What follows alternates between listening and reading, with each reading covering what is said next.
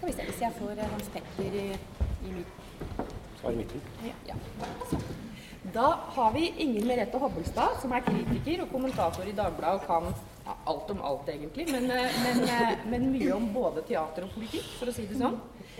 Hans Petter Sjøli, som er debattansvarlig i VG, og som jobber veldig mye med både mediekritikk og eh, USA særlig. Eh, og så har vi Bente Karlsnes, som er førsteamanuensis ved Institutt for journalistikk og mediefag på Høgskolen i Oslo. Vær så velkommen skal dere være.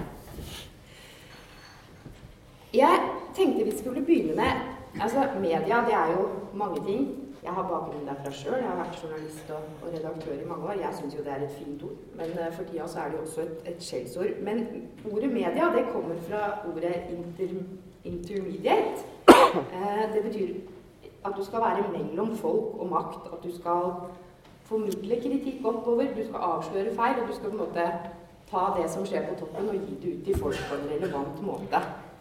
Og vi begynner med, med, med dere to. Hva, hva, gjør dere når verdens men mektigste mennesker bare lyver for åpen mikrofon? Eh, når Trump står på pressekonferanse og sier sånn Jeg er det største electoral college ever. Og så er det bare sånn eh, Nei, du kan ikke det. Eh, de er jo en litt sånn ny situasjon. Skal jeg? Ja, og altså Hadde jeg hatt liksom en sånn punktliste over hva vi skulle gjøre her, så ville jeg jo eh, eh, Ja, da ville jeg kommet med den i andre fora enn dette, og så ville verden blitt bedre med en gang. Men det, det har jeg, jeg har jo ikke svarene på dette her. Eh, men eh, det jeg tenker, altså Nå skrev jo uh, Reuters-sjefen hadde et veldig fint skriv nå for et par dager siden som, på, som ble sendt ut til Reuters medarbeidere, og som gikk litt på hvordan skal vi opptre nå i denne merkelige nye hverdagen. Uh, og han mente at de burde dekke den amerikanske administrasjonen litt på samme måte som de dekker hva som skjer i diktaturer rundt omkring. Altså bare jobbe samtidig med stoffet, ha sine kilder, få informasjon på plass. Og så, og så, er forholdene veldig vanskelige, men å bruke så lite som mulig tid på å sutre om det. Eh, fordi det rett og slett suger opp oksygenet. Ikke sant? Altså Hvis man gjør det, så blir det fort det eh, samtalen handler om. Eh, og jeg tror vel at det er en klok fremgangsmåte. Eh, fordi det Altså, det du jo merker som skjer nå, det er at man bruker så altså, selve saksforholdene, diskusjonen om saksforholdene forsvinner. Fordi man er så opptatt av å snakke om samtalen rundt det, og postfaktasamfunnet, og hvordan man skal trenge gjennom det. Så det å på en måte relativt kort og kontant slå fast at dette er kjensgjerningene, og så på en måte så fort som mulig la oppmerksomheten gå til, til uh, tiltak og hva man skal gjøre om det. Og det, det er for, øvrig en interessant ting, fordi i 1977 så skrev jo Richard Sennett skrev en bok som heter 'Fall of Public Man', hvor han advarte veldig mot å bryte ned skillet mellom det private og det offentlige. Uh, og så kan du si at Det som skjer nå, er en konsekvens av mange ting, men det er en interessant ting han sier. Det er at når skillet mellom det private og offentlige brytes ned, så kommer vi til å bli manisk opptatt av intensjonen til den som snakker, mye mer enn konsekvensene av det de sier. Altså det går på ja, men hva er egentlig din skjulte agenda? Mener du det egentlig? Eh, hvem er du bundet til? Eh, altså at, ikke sant? At det, blir, at det er der liksom oppmerksomheten er, og så forsvinner det som kanskje er den viktigste eh, siden av samtalen. Og, og, det du også ser nå når på en måte informasjonssamfunnet er sluppet så fritt som det er, når mainstreamen svekkes, det er at folk altså Instinktet til veldig mange er ikke å liksom orientere seg så bredt som mulig. Det er å velge tilfanget som bekrefter det eh, du allerede vet, ikke sant? og som går på mistenkeliggjøring av de du er uenig med. Så alt man kan gjøre for liksom å motvirke den, eh, den tendensen, og styrke mainstreamen som et sted der det er en viss saklighet, og der forskjellige perspektiver kommer frem, eh, ja, krysser fingrene for det. Hans Petter? Ja. Nei, men altså, vi, vi jo, ser det jo litt i USA nå, hvordan Trump har da, ført til et oppsving for media. Media har jo vært i krise i mange år. Den tunge økonomiske, tunge økonomiske tida, uh, mange oppsigelser. Ja, det har vært vanskelige år. Uh, Trump har jo på en eller annen merkelig måte gjort det, snudd litt på det. Vi merker faktisk også i vår avis at det vet ikke om det skyldes bare Trump, men at det er en slags ny energi. Uh, og, og, og, det handler litt om tror jeg, at, det er så mye rart som foregår i verden, og ikke bare Trump, det er også i Europa, uh, at folk, i hvert fall forhåpentligvis, da, blir mer opptatt av Eller ser verdien da, av å ha en, en uavhengig presse. mange vil kanskje mene at vi eh, ikke er så uavhengige som, som vi sjøl tror at vi er. da. Men jeg mener jo likevel at sammenligna med, med, alt det, mylderet som finnes på internett av, eh, av kilder, blogger den slags, så, så det, har de redaksjonelle mediene en, en stort, et stort fortrinn ved at vi faktisk prøver, da, og vårt mandat er å gjengi uh, virkeligheten så, så, godt som mulig. Uh, og, men, uh, når det gjelder Trump, da, så er det sånn at vi Huffington Post hadde jo før valget alle Trump-nyhetene på underholdningssidene sine. For da mener jeg at du kunne ikke ta ham alvorlig som politiker. Uh, det var jo ikke noe spesielt god strategi. Han vant jo valget. Uh, men det vi, det vi, ser nå, er, at, er jo at Jeg merker sjøl en slags sånn Trump-overload. At det blir litt mye av det. Det blir liksom alt handler om det. Man suges inn i Trumps kraftfelt, på en måte. Og det er jo der han vil at vi skal være sikkert også. Så jeg var i ferd med å bli liksom fallen bits out of love med det her en periode. Men så satt jeg sånn på pressekonferansen i går, helt tilfeldig, og tenkte at uh, det, det, jeg ser på nå, er så utrolig rart og så bisarr uh, opplevelse at det her er noe vi må holde på med konstant i de nærmeste fire årene. Det kommer til å bli veldig mye Trump-stoff, og det kommer til å bli veldig mye faktasjekking. Og vi kommer til å se tror jeg veldig mye på det som han vil gjennomføre politisk. Um, bare, det vil ikke bare bli stoff om mannen, men om hva han faktisk gjør. Eller kanskje ikke gjør, for det er ikke sikkert han får til som han vil. Eh, altså, det er klart at Når presidenten i USA snakker, så har jo han, han en enorm talerstol. Og han, han, får snakke rett til. Altså, den Pressekonferansen den blir vist, det han skriver, det blir skrevet, uh, skrevet ned lange intervjuer hvor han, han har, det, har det ganske ganske fritt, sånn som det alltid har vært for, for mektige politikere. Um, du ser det samme uh, med høyrepopulister rundt omkring i Europa. Du har uh, en, en ekstrem mann som er uh, president i Polen. han har Marine og vokser opp mange steder. Og det, det, er jo på en måte mennesker som de har et annet forhold til sannhet enn det vi er vant til. Og de har også et, et annet forhold til hva skal man si, grunnleggende menneskeverd og, og, og, hvordan man snakker om andre grupper, enn det vi har vært vant til i vår tid eh, i den store samfunnsdebatten. Eh, hvordan Altså, Burde man gjøre noe annerledes enn man har gjort før? Er det sånn at Trump burde ikke få lov til å liksom snakke direkte til folk? Burde man skrive intervjuer og så ikke legge dem ut før man har faktasjekka det? Liksom? Er det Nei, altså vi må jo, vi må jo dekke det. Han, altså, han er en folkevalgt president, så vi må dekke det på en vanlig måte. Uh, men det er klart, det er jo, det er jo en del ting som nå er jo, For øvrig er jo for fakta, eller løgna hans så åpenbar at det, det, avsløres jo i det han sier dem. Uh, så, så, det er ikke noe problem. Men, eh, men, men, det er jo sånne flere ting. og det er jo ikke bare, er ikke bare Trump og utlandet og, og Le Pen og sånn. Det, det, har jo også noe med i norsk politikk. Vi ser jo en tiltalende Um, ja, altså, mange politikere bruker sine egne blogger f.eks. egne sosiale medier, på sosiale medier istedenfor å la seg intervjue av pressen. Så vi blir jo liksom på en eller annen måte hengende litt etter også, og det synes jeg er litt, litt skummel utvikling. At du på en måte ikke får fulgt opp påstandene til politikerne med kritiske spørsmål. Mm. Jeg skal bringe dette litt. Altså, et fellestrekk for høyrepopulister det, det er jo at de er veldig lite kritiske. Eh, og eh, det rammer jo ofte politikere, det rammer ulike eksperter og sånn. Men når de selv blir den styrende eliten, og det, det, skjer jo stadig oftere Vi ser det i USA, det jo faktisk i Norge. Eh, så, så velger de seg gjerne media som sin favorittelite, hovedfiende. Og jeg lurer på, Mente, kan du si noe om hva denne stadige voldsomme kritikken og, og angrepene og forsøkene på å underminere eh, underminere altså underminere kredibiliteten, gjør for medias arbeid? Ja, altså eh, vi, vi ser nå Gjør det ikke det? Eh, vi ser at eh, eh høyrepopulister har et eh, ganske spesielt forhold til media. Men egentlig ser et fellestrekk hos alle nye partier. Eh, fordi at de er avhengig av å få oppmerksomhet. De er avhengig av å få medieoppmerksomhet. Eh, så det å Da blir det et litt sånn love-elsk-hat-forhold. At en er avhengig av å komme ut, samtidig som at eh, en ser ofte at media begrenser tilgangen. Um, men i dag så har uh, alle disse politiske aktørene, de nye politiske aktørene også muligheten til å etablere sine egne arenaer. Eh, og det vi har sett i forskning på høyrepopulistisk parti, det er at de har enorm gjennomslagskraft digitalt. altså Særlig i sosiale medier og Facebook. Og i, i Norden så har vi sett at eh, det som da blir kalt de høyrepopulistiske partiene, som er da eh, Fremskrittspartiet, Sverigedemokraterna, Sandfinnene og Dansk Folkeparti, er eh, eh, de største partiene i sosiale medier. Og de har da en stor tilhengerskare som de kan kommunisere direkte med.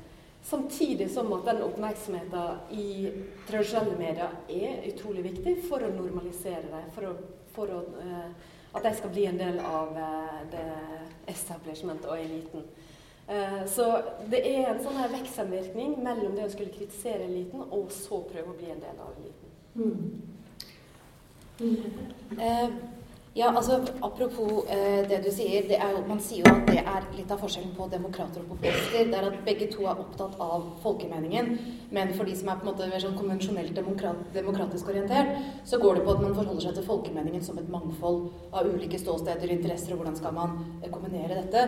Mens for populister så er folkemeningen én ting eh, som blir undertrykket ikke sant? eller sett ned på eh, av de som sitter og er, er eh, filtre i dette. Og i det så ligger jo også noe av den forakten mot mediene. ikke sant? Den aggressiviteten som du ser nå, som jeg tror alle vi som jobber i mediene, merker også på mailene vi får, og, og eh, ja, i det hele tatt på responsen. At vi blir veldig, veldig eh, mistenkeliggjort. Eh, og det du ser som er noe av det liksom, uheldigste ved dette, det er jo at hvis du ser på eh, akademikere, f.eks. journalister, så kan vi nå Eh, altså på en måte Det at noen er journalist, eller at noen er ekspert, brukes som begrunnelse for at det de sier, ikke kan tas for fisk. Ikke sant? Sånn, ja, men du skal jo bare tjene penger. ikke sant? Du skal jo bare ha penger til forskningen din. Du er jo en venstrevidd journalist, så eh, dermed kan jeg ikke eh, ta det du sier, eh, alvorlig. Um, og når det er sagt, så tror jeg på en måte at mediene også skal gå litt i seg selv. Altså, det, det er ikke For det er jo sånn side ved populister. altså De har jo alltid litt rett. Eh, fordi hvis ikke det de sa korresponderte med en eller annen erfaring, eller et eller annet inntrykk av, av slik verden var, så ville det jo bare vært liksom gale brødlaper på en soppeboks. ikke sant? Altså da, da, ville det ikke gitt gjenklang på den måten, måten det gjør.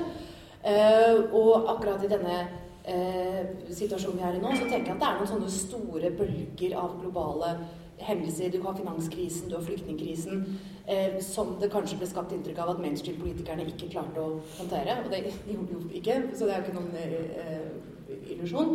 Eh, og mediene ikke tok det tilstrekkelig alvorlig.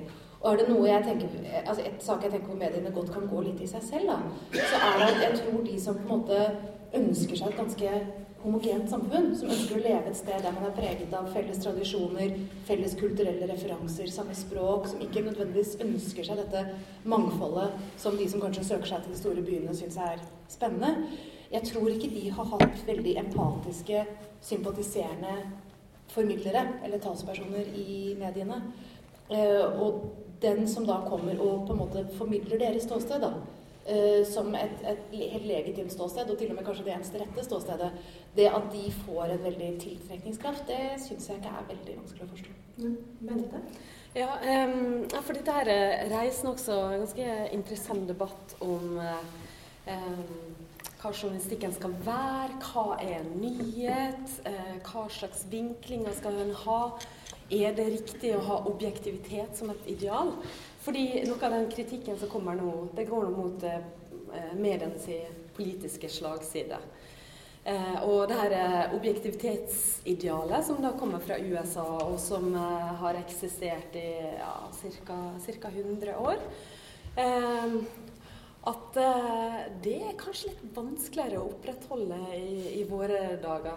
Og det er en del som nå mener at mediene i større grad skal eh, eh, sitt ståsted. Ikke nødvendigvis til et parti, men mer sånn ideologisk. At det plasserer seg i et eh, politisk landskap.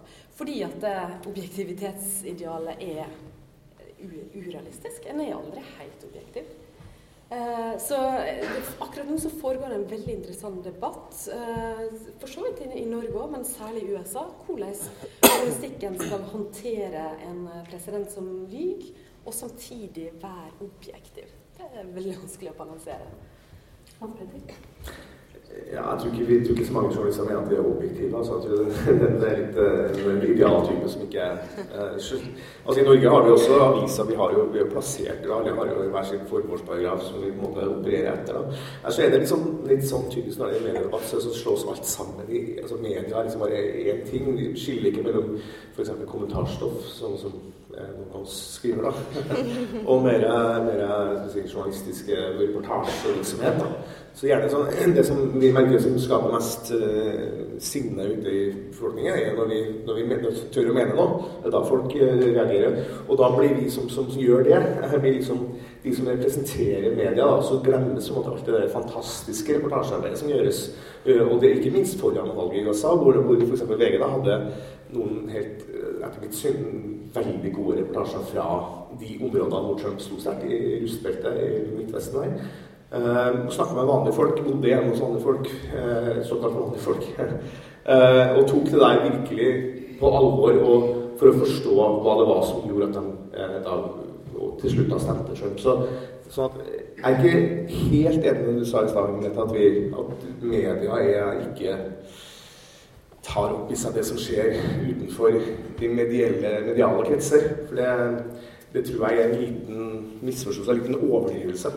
Uh, og det skal jeg si, jeg skal ikke si at vi i media gjør alt riktig for alle. Herregud, det, så, det, gjør vi jo ikke. Vi gjør veldig feil også, sånn som alle andre gjør. Men, uh, men, jeg tror at det bildet er litt mer nyansert enn det vi ga uttrykk for i stad. Jeg tror det fester seg veldig lett et bilde av at ja, vi, vi, er bare opptatt av det i Norge, er bare opptatt av det som skjer liksom herfra opp til Stortinget. Altså. Det, det, det, det, er vår radius, men det er vi jo ikke.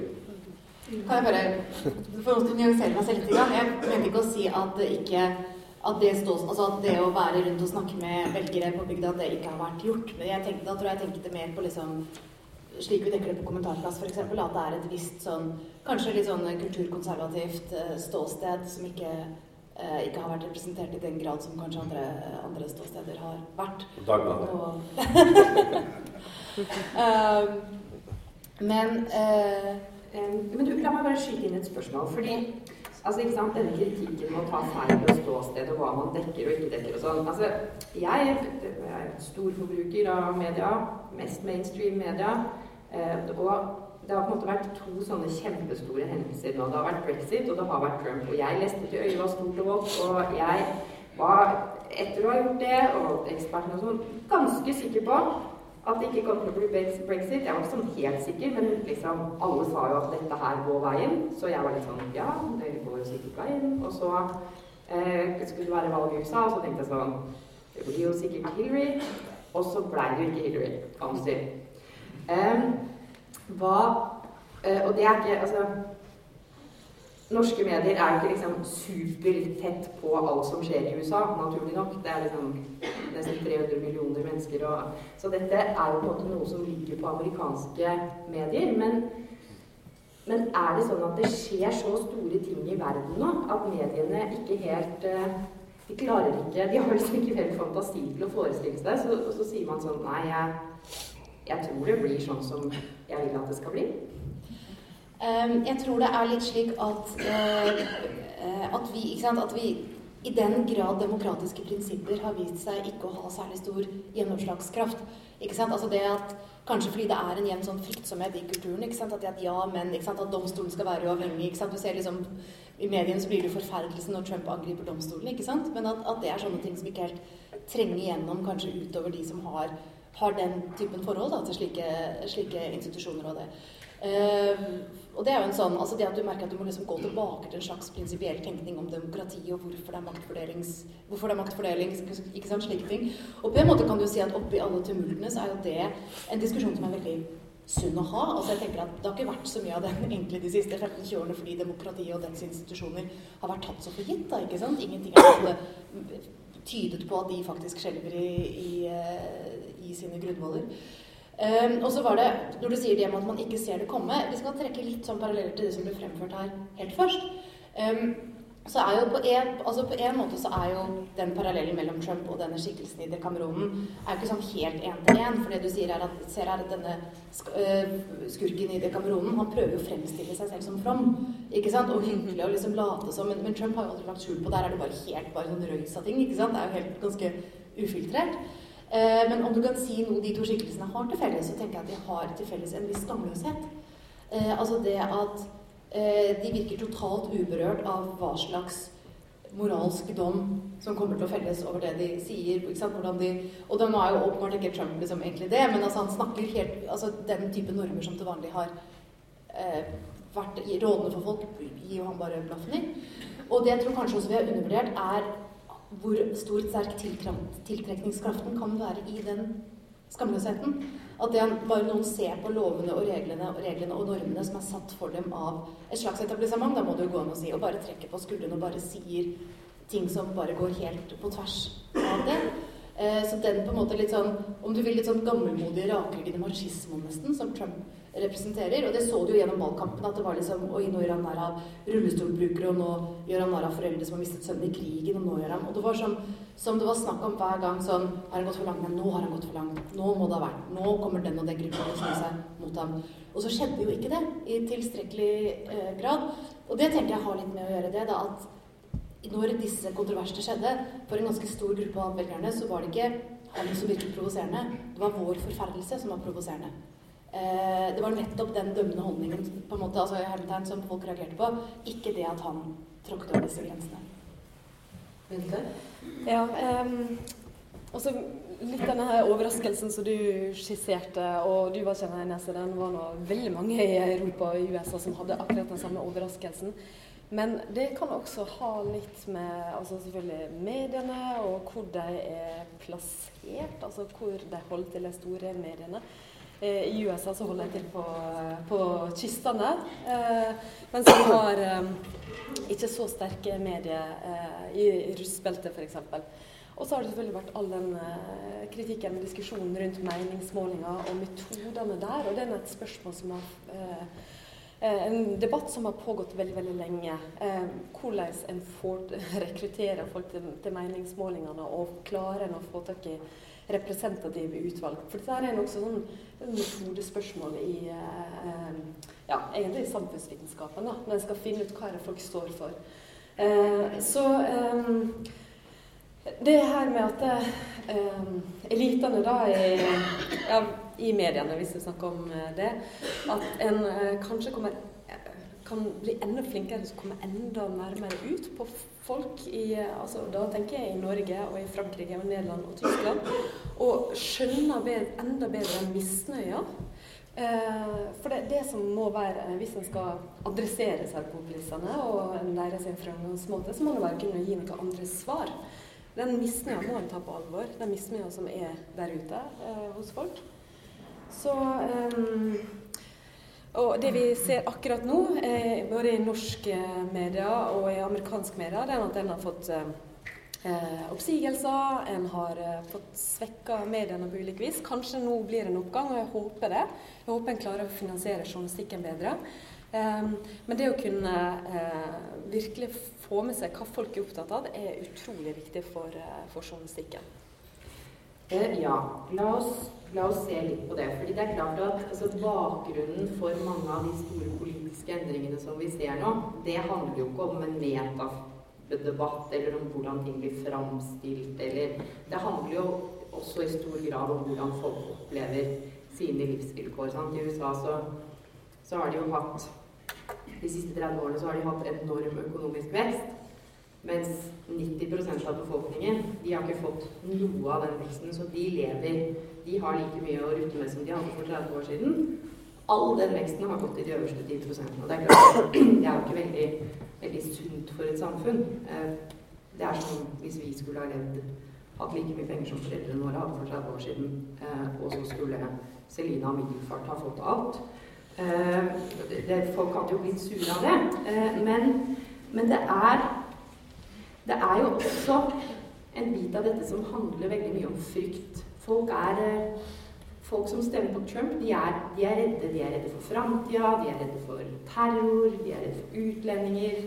Jeg tror de er litt redde for feminister. De er ikke så redde for våpen? Nei, det er de ikke. Og det, er, det der med feminister Jeg har egentlig aldri noen som har vært redd for meg, så det, det kjenner jeg litt på det kan også være litt ålreit. Men, eh, men eh, altså, Det er jo medias jobb å være konfliktdrevet. Å påpeke feil. Eh, Og, og, det er klart at uh, man dekker uh, terrorhandlinger og sånn. Selvfølgelig gjør man det. Men er det en risiko for at man viser folk et samfunn som virker mye mer skremmende og farlig enn det det egentlig er? Uh, nei, altså Nei, jeg, jeg, jeg, kjenner meg ikke helt igjen i det. Altså, det er, vi må jo dekke det som skjer. Altså, og, og, det konflikt og drama er selvfølgelig en, viktig del av nyhetsbildet. Nyhets, og vår jobb er å formidle det. Det er klart eh, Konflikt og drama er interessant. Eh, engasjerer folk.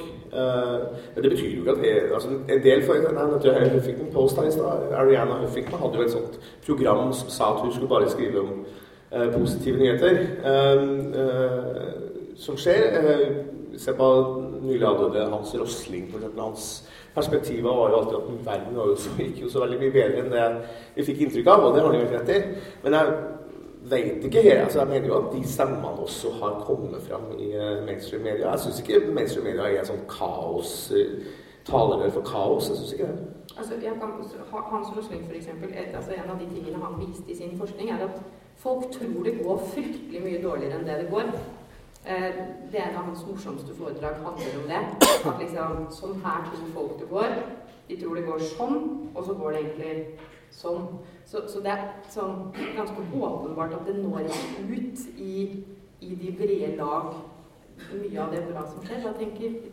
Ja, det, sånn, hadde i hvert fall blitt kritikk av media hvis vi skulle ha ikke skrevet om det som er vanskelig.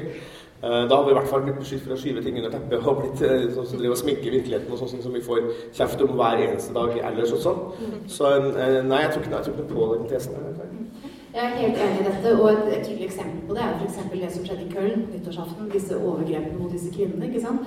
Hvor det gikk så lang tid før dette eh, traff i mediene. Og det ble jo opplevd som en unnlatelsessynd fra medienes side. ikke sant? At de prøvde å dysse ned og ikke gjorde jobben sin. og og alt dette. Så jeg tror at, at, nå som det er så mange krefter som er interessert i du kan si at ta tak i problemene og hause dem opp, ikke sant? og skape nesten sånn undergangsstemning, så er det desto viktigere at vi tar opp de samme problemene, men gjør det på en mer presis måte. Eh, altså at vi klarer å på en måte vise hva av denne frykten, da, som er en helt tydelig sånn gjennomgangsfølelse, hva ved den er det som er eh, kanskje litt irrasjonell eller opphauset, og hva ved den er det som er en bekymring for helt reelle problemer som man må prøve å finne en løsning eh, på. Så det at på en måte at, eh, at de, de, som kan være liksom presise og nyanserte, insisterer på å fortsette å være det i en verden hvor det er veldig mange parter som blir veldig eh, svart-hvite, eh, det er vel det jeg tror er en god fremgangsmåte. Det er det. Um, det, vi har et uttrykk som sier 'never waste, a good crisis'. Og jeg tenker at det er faktisk en fantastisk mulighet for mediene nå å vise eh, at de er noe utrolig masse bedre enn alle bloggerne, alle facebookerne, alle som tvitrer. Eh, til å få fram eh, kvalitetssikra informasjon. Eh, altså vi, vi, ser nå at det, der Eh, mediene prøver å differensiere seg på at eh, vi kan eh, tilby fakta, vi kan tilby kvalitetssikra informasjon, i motsetning til alt det andre som da har blitt åpna opp via internett og sosiale medier. Så, så, jeg tenker at dere har en mulighet til å skinne nå, som, eh, som jeg håper dere benytter. Ja, men jeg har bare følelsen at ja, Jeg høres litt skryt ut. Men det faktisk er det som skjer også. Altså, når Donald Trump står og holder en pressekonferanse, så sier man at man har hørt at uh, han fikk mest valgmannsstemme av, av siden Reagan, av alle. Og så bare rett inn journalisten ja, det stemmer jo ikke. Alle andre etter har jo fått mer enn det du fikk. Eh, så vi, vi er skinner litt nå, syns jeg. Det, det, er litt for at man er på, på, på, på ballen da, og avslører. For jeg tror at mye av informasjonen som, som eh, hvis jeg snakker med Jan Trump, da, som han baserer seg på en sånn hearsay som han har fått med seg et eller annet sted. Han har lest en eh, blogg, et over, en overskrift, hørt noe av noen som har sagt et eller annet, og så bare gjengir det. ikke sant? Og Da er det jo vår jobb i pressen å på en måte skjære gjennom det og som du sier, faktabasere, eh, faktasjekke, eh, ettergå alt da, som det blir sagt. Og det tror jeg det gjøres mer og mer. mer. Ser vi på amerikanske medier nå, så er det alt som Når Trump holdt tale, eller når Clinton gjorde det, så var det faktasjekk med én gang. ikke sant? Og det syns jeg er en veldig god trend at de, de er der.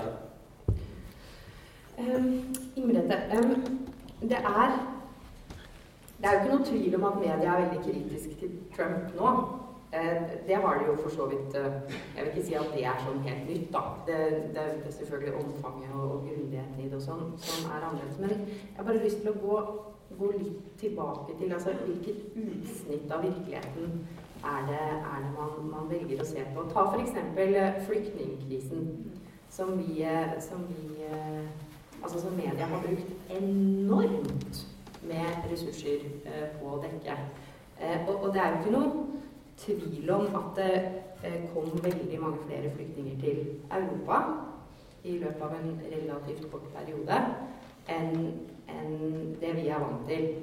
Men det var jo allikevel en forsvinnende liten andel av flyktningene i verden eh, som fikk all oppmerksomheten. Altså, det er én million av 60 millioner mennesker som var på flukt i den perioden ca., kom, kom til Europa. Og det det ble jo framstilt som nærmest det mest samfunnsødeleggende som, som, kunne skje. Altså det var massivt i norske medier og, og i mange andre medier. Er det, er det riktig?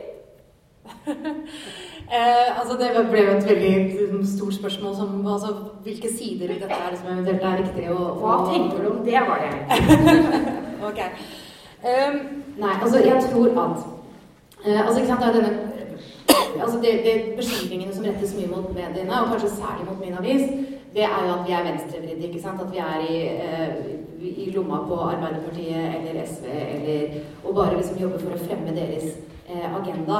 Eh, og det Når jeg får sånne meldinger, så pleier jeg liksom bare å påpeke at det var jo min avis som kjørte veldig liksom hardt mot Audun Lysbakken, som gjorde at han måtte gå som statsråd, ikke sant? og som sant, tok veldig Støre veldig hardt for disse forbindelsene til Trudy, og det var eh, Altså det er masse sånne ting som vi har gjort som ikke stemmer med den forestillingen da, om hvordan, eh, hvordan vi jobber. Men det jeg kanskje tror, det er at journalister har eh, et selvbilde som går på at de skal liksom jobbe på vegne av liksom, svake part mot makta. Ikke sant? Og det kan du på en måte si at kan vagt identifiseres med sånn liksom, venstreside-type retorikk eh, gjennom, gjennom, årene. Eh, og at kanskje iblant vi skal stoppe opp og spørre oss selv hvem er det vi fremstiller som den svake part, og hvem er det vi fremstiller som den sterke. Ikke sant? Mm. Eh, fordi vi alltid altså Det å være objektiv er som sagt er et umulig ideal. Eh, men altså, vi presenterer jo alltid et utsnitt av fakta. ikke sant? Det som sier vi har rutiner, det skal jo være riktig det som står i mediene. Hvis ikke så skal man gå ut og korrigere så fort som mulig. Så det, når folk sier at pressen lyver og sånn, det stemmer jo ikke. Eh, men det er jo noe med at man må ha et veldig bevisst forhold til hva man velger ut. Eh, og hva angår det med, det med flyktningkrisen, så er det, det er jo sammensatt, da, ikke sant? Fordi eh, ja, du kan si at en liten del av de som totalt var på flukt, kom inn i Europa. Er det terrorister med dem eller ikke? Det vil antagelig være en forsvinnende liten del. Samtidig så er den forsvinnende lille delen nok til at folk kan skape veldig store problemer. De trenger ikke å være så mange for at de kan gjøre ganske fæle ting. Så det å, Man kan ikke på en måte stikke det under stol heller, da. Eh, ikke sant? Eh, så det er, eh, det er, det er en sammensatt ting. Eh, men jevnt over tror jeg det at altså jeg, jeg, er ikke helt enig med deg, for jeg tenker også at, at det det var veldig sånn overkant av altså Det var en veldig veldig opphauset debatt, men det det var veldig mye av, var faktisk reportasjer fra Hellas, fra hvor eh, ikke sant, hvor forferdelig disse flyktningene hadde. ikke sant, Hva for en utrolig maktesløs situasjon eh, de var i. Og vanskeligere å kanskje, i hvert fall en god stund, vanskeligere å få gehør for de mer sammen. Hvor mye kommer dette til å koste? Hva med konsekvensene for velferd, velferdsstaten? Hva med at det ble opplevd som litt følelseskaldt? Og det du også, men altså når det er sagt, nå skal jeg ikke bare snakke om mediene som sådan. Dette gjelder den bredere samfunnsdebatten som både innenfor og utenfor eh, mediene. Og en ting du bl.a. så, var jo var Annik Frp. Hele den der hjelp i nærområdene retorikken, hvor det ble latterliggjort ganske fort. ikke sant? At det bare ble sett på som en sånn ansvarsfraskrivelse. Og fra noen side som kom med det argumentet, så var det nok det. Altså Det var en ønske å bare stenge det ut og holde det på eh, en armlengdes avstand. Samtidig så kan man jo si at det å hjelpe nærområdene, det er ikke sikkert det er en så dårlig idé. Når du har en krise av et sånt mangfold. Altså, Nei, særlig siden 99 av flyktningene faktisk er i nærområdet, så er jo det ganske ja. Eh, så på en måte at det bedre spørsmål der ville bare Ok, ja, men rent konkret hvordan? Ikke sant? Og for hvor mange penger, og snarere enn å på en måte igjen være opptatt av intensjonen bak det, da, som, som en del debattanter var. Det som jeg synes var veldig merkelig med den situasjonen i media, som forteller litt om medielogikken også, var jo at da eh, flyktningene eh, kom i store mengder over til Hellas, eh, særlig da fra Tyrkia, så var den store fortellinga Nå står vi overfor en fryktelig altså Krigen i Syria har skapt en fryktelig situasjon, og nå kommer masse folk til Europa. Og det er, det er forferdelige tilstander på de båtene, de folk lukter, det er forferdelig de flyktningleirene. Det var det fortellinga som, som, som, dominerte totalt. ikke sant? Og så nesten over natta så snudde den fortellinga helt til å være det motsatte. At nå må vi stenge grensene. Uh, og, og, da var, vi, var mediene også veldig på den bagen. Så det, det, den er veldig interessant, den der saken her, på hvordan, hvordan det, det, narrativet som er, endra seg nesten over natta og ble helt annerledes helt totalt annerledes. Altså det, det, husker vi hadde en kronikk på trykk av Jan Egeland og noen andre som, som, jo påpekte at nå må vi hjelpe flyktningene. Og da var det, og det var en sånn eh, Facebook-gruppe som hadde 100 000 medlemmer som liksom, som viste 'Refugees Welcome'. ikke sant? Og det var det, var det vi snakka om. om. Og så plutselig så endra det seg totalt. Og det er, forteller litt om hvordan medier At vi er kanskje litt for sånn at vi følger ett spor hele tida. Det er en fortelling som dominerer hele tida. Mm. Det tror jeg nok vi må ja, være litt flinkere til. Ja. Bare fylle opp litt på, på, det med medielogikken. For det, det er noe virkelig noe vi har sett at uh, Trump har uh, forstått og utnytta i veldig stor grad. Uh, han er da en mediepersonlighet via disse talkshow, eller via The Apprentice, det reality-showet som han er programleder for. Um, og han vet at eh, sensasjon og konflikt og personangrep det fungerer veldig veldig godt i mediene. Og det har han drevet en valgkamp basert på. Eh, og det som er da spesielt, er at han fortsetter presidentskapet på samme måte. Eh, men en, eh, noen av eh, rådene som blir gitt til amerikanske medier, er at en må ikke la seg distrahere av all den støyen som han kommer med. Altså han, han setter merkelapper på folk. Han, eh, han kritiserer, han bruker hashtaggen 'fake news'. Eh, Tvitrer masse ting. Og det gjør at eh, media kan miste litt fokus på de viktige, store sakene. Hvis vi ser at han nå setter i gang eh, utdanningsreformer som gjør at eh, offent, altså offentlig utdanning i USA blir veldig mye svakere, så er det det som er store, viktige saker. Eller, eller at, en, eh, at, en, at, det blir veldig proteksjonisme i USA. Så det er klart at det, det er utfordringer for, eh, for, media å ikke bli distrahert av det uviktige, sensasjonelle, eh, veldig sånn konfliktprega som man holder på med på Twitter. Ja, hva, hva tenker dere om det? Altså, fordi altså, Når du følger med på Trump og sånn, så er det liksom Det er selvfølgelig politikken, så er det fakta om det han har sagt. Så er det f.eks. kjempestor reportasje. VG er i Melanias hjemby det er kona, hun som ikke er i Det hvite hus. Altså, er i Melanias hjemby. Og ja, hun var en koselig jente, og, og så er det veldig mye dette der hvordan han hilser med hånda. Altså, det, det er jo mye rart som får ta mye plass. Det står jo veldig mye rart i media. Ja. Vi skriver veldig mye forskjellige ting. Eller, ja, jeg, jeg, jeg vil forsvare det. det, det, det jeg syns den handshake-saken var utrolig morsom. Ja, ja. Det er noe jeg ledd mest av. Så vi skal også ha litt gøy med det. Men eh, nei, og, og, og reportasje om Melania også. Jeg syns Melania er et uh, veldig interessant case. Altså, i, i den saken her, hvordan hun skal lede som forskjellig. Så altså, det syns jeg er virkelig nyhetsverdig. Ja, altså jeg, jeg, er for så vidt enig. Altså jeg syns ikke disse sakene som nevnes her, er liksom irrelevante eller liksom illegitime, eller at det ikke skal være lov å, eh, å, å, skrive om det. Men det er klart at det er en utfordring at altså, show er lettere å formidle enn alvor. ikke sant? En saksforhold som ofte er komplekse, som krever at du konsentrerer deg, setter seg inn i ting. Så det håndtrykket er liksom ikke sant? Det er mye mer umiddelbart. ikke sant? Mye lettere å klikke på, mye lettere å bruke som en sånn liten pause i jobben. Det gjorde selvfølgelig jeg også. Eh, så, eh, men, men det, det, som er nå, er nå er, det, sant, nå er det så grenseløst at det er muligheter til å lage sånne showsaker hele tiden. ikke sant? Og, de, og, vi har jo begrenset oppmerksomhet til dette, og at det er de som bare fyller opp all oppmerksomheten. Eh, så noe av det jeg tenker vi må prøve på nå, det er jo det å ta alvorlig det at vi er faktisk profesjonelle formidlere. Eh, og ikke så mye tenke på hva folk vil lese, hva kan være en sånn Men hvordan skal vi fremstille de viktige sakene på en liksom så direkte måte at de blir lette å lese. Eh, lette å sette seg inn i, lette å, å klikke på.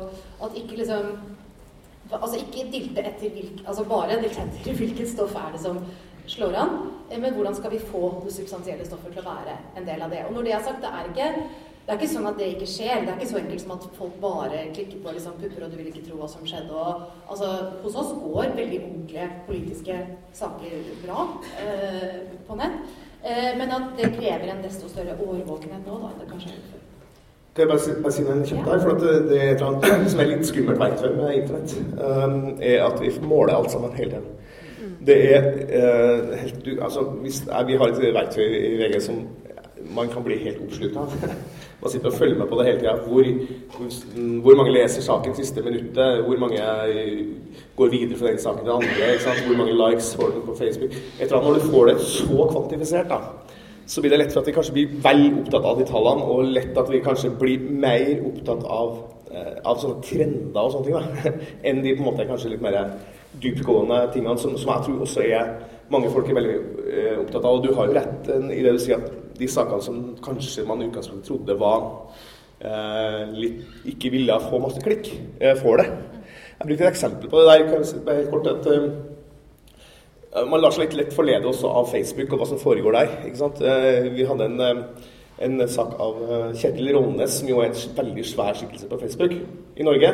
Uh, så vi hadde en kronikk av om rasisme, en ganske spiss og konfrontativ kronikk, som jeg trodde skulle liksom, ja, bli lest av veldig veldig mange. Det ble den ikke. Den ble delt i utallige ganger på Facebook og lika den slags, men den fikk mye lavere seertall, nei, lesertall enn en kronikk vi hadde samme dag etterpå som handla om nynorsk. Så, vi, så, det er liksom lett for at vi lar oss litt forlede av det som foregår i sosiale medier også. Um, Eh, vi, eh, vi, går mot slutten. Eh, nå hører jeg at jeg kommer fra, fra, litt mange sider. For først så sa jeg jo nå at ja, er det sånn at dere skremmer folk, eh, og dere egentlig burde ikke gjøre det.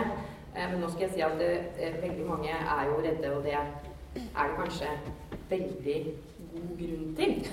Det er jo sånn at, at samfunnet vårt, det, det endrer seg Kanskje ikke i så stor grad Norge ennå, men, men rundt oss i land som vi har veldig nære forhold til, som ligger nært opp til oss, som vi samarbeider kjempetett med på mange, mange måter, så, så, forandrer ting seg eh, i en rasende fart. Eh, du har selvfølgelig eh, Trump på, på, den ene siden, så har du Putin på den andre siden. Han har for så vidt aldri vært spesielt demokratisk innstilt, da, så det er ikke sånn nytt i det landet der. Men du ser høyrepopulister som har makt i store europeiske land, f.eks. i Polen det er store spørsmål rundt hva som vil skje i, i Nederland, i Frankrike. Eh, ting er i endring. Eh, og vi som er sånn cirka på vår alder nå, da, som på en måte nå har tunge posisjoner som eh, kommentatorer eller redaktører eller, eller sånne ting, vi, vi, har aldri levd i en sånn tid. Vi eh, Det var liksom Muren falt, og så da var vi egentlig ikke så store. Og så etter det så var det sånn Joho, alt går kjempebra. Um, er vi uh, Er media på en måte oppdatert på det som skulle skje? Burde vi tenke annerledes rundt jobben Ja, nå sa jeg vi, men jeg i Teknisk Men jeg var jo i avis før. Uh, burde vi tenke annerledes? Er det sånn at krisa og endringene i verden er større enn vi tar inn over oss, og så fortsetter man liksom med business as usual. Eh, jeg tror ikke nødvendigvis det, men jeg tror helt klart at det er en tid som igjen krever at man tenker litt på fundamentene eh, rundt samfunnet man er i. Da. Altså nettopp, altså bare sånne ting som jeg nevnte i sted. Hvorfor det er lagt opp til at domstolene skal være uavhengige. Hvorfor det er lagt opp til at presten skal være uavhengig. ikke sant? Det jo, øh, og det er et sånt ansvar som man kan også tenke seg at skolesystemet bør ikke sant? Går til seg selv og tenker på, for man merker at det er en sånn ting som forsvinner litt øh, i all støyen. da. Uh, og personlig syns jeg jo Altså, jeg har jo eh, vært veldig opptatt av Shakespeare. Nå fikk jeg med det òg. Og Eh, og renessansen og liksom Machiavelli. Også litt sånn opplysningstid 200 år senere. Og det er en ganske interessant ting, for du ser at der er det jo veldig Der er det jo nettopp sånne samtaler om folkestyre. ikke sant? Hvordan skal det legges an? Hva er farene ved det? Og det du ser, er at i begge disse eh, periodene, som foregår i stor grad i udemokratiske tider, altså i hvert fall på 1500-tallet, så merker vi at altså, de ser jo sånne ting som dette komme. Altså Der stilles jo spørsmålene rett ut. Hva skjer altså ok, Hvis folket vil ha mer å si, men hva skjer hvis folket velger noen som ikke sant, er, kan være ødeleggende, da? Eller som, eh, eller som ikke gjør ikke sant, Og hvor det ikke går an å trenge gjennom det de har tenkt å gjøre. altså De kommer til å ødelegge systemet som førte dem frem. altså de, Den typen samtaler har de veldig på ordentlig, og vi er helt klar over at det er et problem med demokratiet. At det ikke er mekanismer i det som bremser det, da. Altså Hvis det skjer, så bare skjer det. Og apropos det med relevans, hvis du leser Machiavellis eh, 'Fyrsten', der sier jo han rett ut til liksom en fyrste som får makten i et land, og som har et svakt mandat, at det liksom drastiske eller dramatiske eller eh, det som er litt ille som du må gjøre, da må du gjøre alt på en gang. For da kommer det til å bli som et kaos. også, Folk kommer ikke til å klare å ta inn over seg alt. De kommer ikke til å kunne kontre hver eneste ting. Og det du skal gjøre som liksom er vennlig og godt, det må du liksom spre utover. Og nå etter de første ukene av Trump-tiden så føler jeg kanskje at dette er en ganske presis beskrivelse nettopp av det som har skjedd, og at det beskrives som en veldig sånn effektiv makttaktikk. da. Altså bare gjør så mye at det blir vanskelig å bekjempe hver enkelt sak og få oppmerksomhet rundt den. Ja, bare helt kort. Altså det, det, og da så vi jo også hvordan det amerikanske rettsvesenet faktisk greip inn mot de tingene og viste at institusjonene fungerer ganske godt. Uh, og det må vi få fram bedre. Vi må få fram bedre også at demokrati er ikke noe sånn et majoritetsstyre per definisjon. Altså Vi må få fram at vi, vi har rettigheter, vi har uh, konvensjoner og institusjoner som, som også en slags, har en slags bremsende effekt. Da. Og Det må vi skrive mer om. Mm. Bente, da skal du få siste ord i denne samtalen. Vær så god. Ja. Um, altså For uh, oss som da har vokst opp uh, på 80-90-tallet altså Vi har egentlig vokst opp i en sånn her, uh, veldig sånn optimisme. Verden går framover, det blir mer demokratisering Husk at verden var aldri bedre enn 97. Uh, liberale demokratiet vinner fram, og uh, det er bare snakk om tid før, uh, før mange, de fleste, kommer dit. Eh, og har sikkert tatt veldig mange ting for gitt. Tatt institusjonene, tatt demokratiet, tatt ytringsfriheten for gitt. Eh, og det eh, føler jeg egentlig etter eh, Ja, det har vært mange store hendelser, men klart 11.9 eh, var et veldig viktig vendepunkt. Så eh, at det har skjedd noen endringer som gjør at en må faktisk forsvare helt grunnleggende verdier i det liberale demokratiet det tror jeg i hvert fall jeg og sikkert mange andre har eh, skjønt at oi, det her kan jeg ikke ta for gitt. Det syns jeg var et veldig fint sted å avslutte. Tusen, tusen takk til dere.